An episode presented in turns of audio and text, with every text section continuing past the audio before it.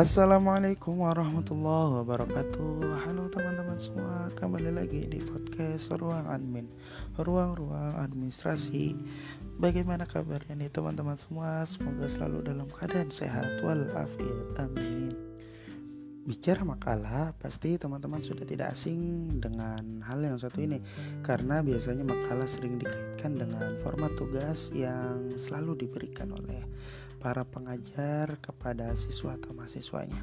Nah, adapun itu makalah sendiri sering diidentikan dengan hal administrasi karena banyak kegiatan administrasi di dalam pembuatan makalah sebagai sebuah arti luas di dalam administrasi.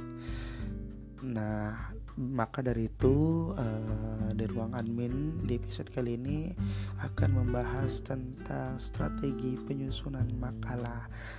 Oke, langsung aja yuk kita bahas pembahasannya. Cekidot.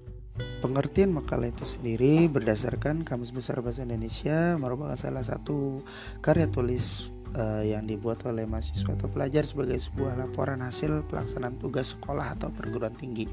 Nah, di dalam uh, pembuatan makalah, tentu kita harus memiliki strategi uh, membuat makalah ini sendiri karena uh, makalah terdapat banyak sekali unsur-unsur di dalamnya. Nah, maka dari itu di dalam sebuah pendidikan biasanya guru atau dosen membuat sebuah kelompok yang mana di dalam satu kelompok ini masing-masing memiliki satu buah makalah yang akan dipresentasikan yang akan dijadikan sebuah uh, penelitian uh, di dalam kelompok tersebut. Nah, maka dari itu strategi yang harus kita lakukan adalah membuat pembagian tugas kepada masing-masing teman yang ada di dalam kelompok.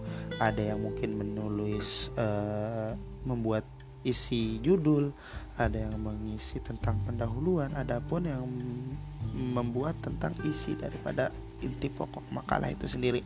Nah, masing-masing semua uh, anggota kelompok melakukan tugas dan tanggung jawabnya sesuai apa yang sudah dibagikan.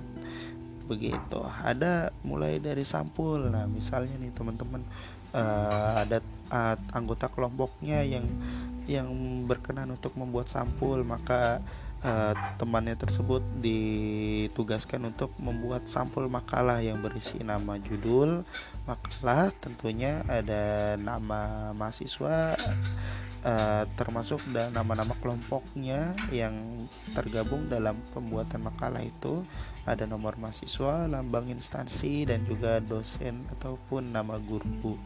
Nah, berikutnya ada teman-teman yang mendapatkan tugas abstrak ya enggak di sini eh, teman-teman yang kebagian dapat tugas abstrak itu menulis tentang tujuan penelitian, metode, hipotesis dan juga rangkuman singkat hasil penelitian atau risetnya.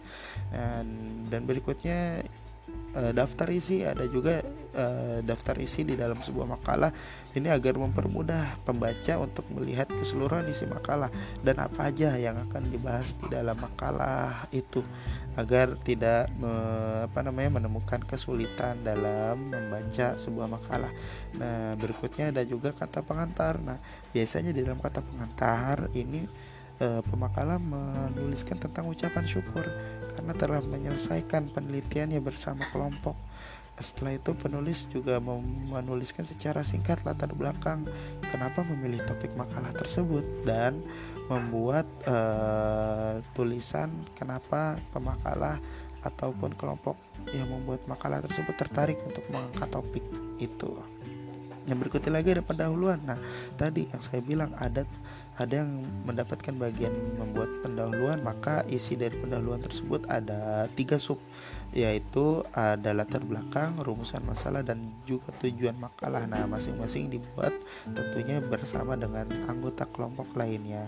Berikutnya ada isi. Nah di bagian isi ini makalah dapat memaparkan semua data yang telah dikumpulkan bersama anggota kelompok lainnya.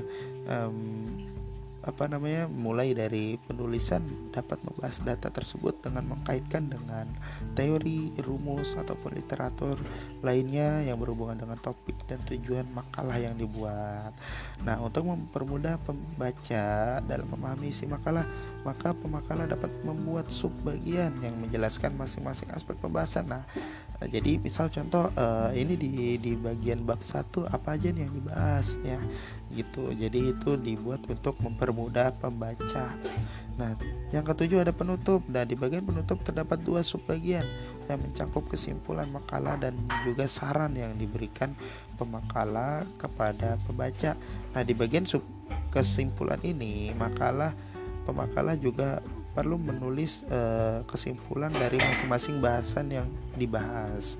Begitu. Dan yang terakhir ada daftar pustaka. Nah biasanya di daftar pustaka ini masing-masing anggota kelompok yang sudah mencari uh, hasil dari penelitiannya baik itu melalui sumber internet ataupun uh, sumber buku itu dapat mencantumkan uh, referensinya atau rujukan sumbernya itu ke dalam daftar pustaka agar pembaca juga mengetahui di mana uh, sumber mas makalah itu dibuat agar juga menghindari namanya plagiarisme. Oke, mungkin itu aja yang bisa disampaikan. Semoga uh, dengan review singkat ini dapat menambah wawasan teman-teman semua dan dapat mengetahui tentang strategi penyusunan makalah. Oke, mungkin itu aja yang bisa disampaikan. Kurang lebih mohon maaf. Wassalamualaikum warahmatullahi wabarakatuh. Sampai jumpa di episode selanjutnya. thank you